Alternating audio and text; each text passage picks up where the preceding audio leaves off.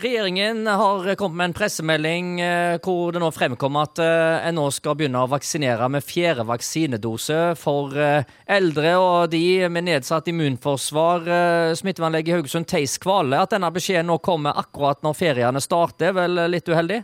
Ja, det bærer jo preg av at det er en del skrivebordsfolk i Oslo som, som, ikke har syn for at det er fellesferie. Da. Så, men vi får gjøre det beste ut av det. Så vi tenker jo at i første omgang så starter vi å vaksinere sykehjemsbeboerne først. da, eh, Så fort som mulig. Ja, eh, Så får vi ta de andre litt etter hvert, når vi får folk tilbake igjen som, som kan vaksinere. da.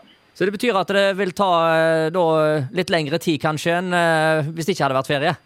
Ja, Vi ble jo forespeilet at dette skulle skje til høsten, da, men, eh, men eh, og det har ting har vært enklere da. Men vi ser jo alle at eh, denne sommerbølgen den kommer mer og mer. Sånn at det på, grunn, på grunnlag av det at en ønsker å framskynde vaksineringen av de mest sårbare gruppene. Da. Ja, Dere tar sykealdershjem. Er det andre som òg bør ta kontakt, eller blir kontakta i denne forbindelse? Ja, så blir det nok etter hvert så blir det jo da folk over 75 år som har eh, hjemmetjeneste. Det er vel den neste gruppa som kommer til å bli prioritert. Mm. Ja, Men eh, for uh, oss andre, holdt jeg på å si, som er en god del yngre, vi, vi kan slappe av? Ja, foreløpig så er det kun de over 75 da, som er aktuelle i første omgang. Så får vi se etter hvert hva som skjer. Eh, de har jo snakket om at det skulle komme en eh, ny variant av eh, disse vaksinene som skulle ha bedre effekt imot mutantene. Har du hørt noe mer om det? Nei, jeg tror det er mye de samme vaksinene. Vaksinene som vi har tilgjengelig, de er jo ikke så gode på å forebygge smitte, men de er veldig gode på å forebygge alvorlig sykdom. da, på en måte, og Det er det som er viktigst for disse mest sårbare gruppene, at de ikke blir alvorlig syke. Ja, for det har vært, eh, som du òg var inne på, en kraftig økning i eh, antallet henvendelser til legekontorene. Folk som har fått eh, koronasmitte i senere tid, så her er det ei bølge på gang.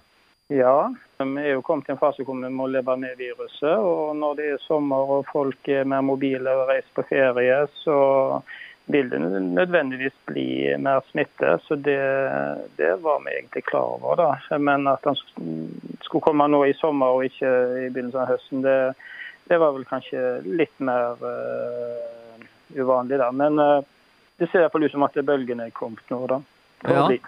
Eh, hvordan forventer du at dette skal utvikle seg gjennom sommeren? Altså det, vi har jo sånne bølger. Hvor lenge varer sånne bølger? bølge? Og At han kommer midt på sommeren er vel kanskje ikke det verste som kan skje. Jeg tenker på at Når det er varmt ute og den slags, folk er vel gjerne ikke så disponerte for å bli alvorlig syke?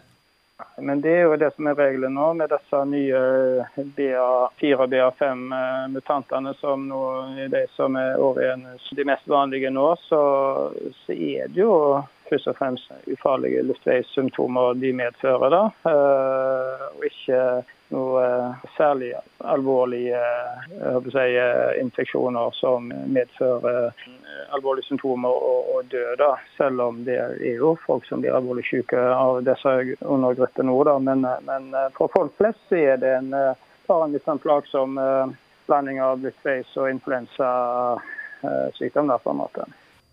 Ja, Det sier altså smittevernlege og fastlege Theis Kvale.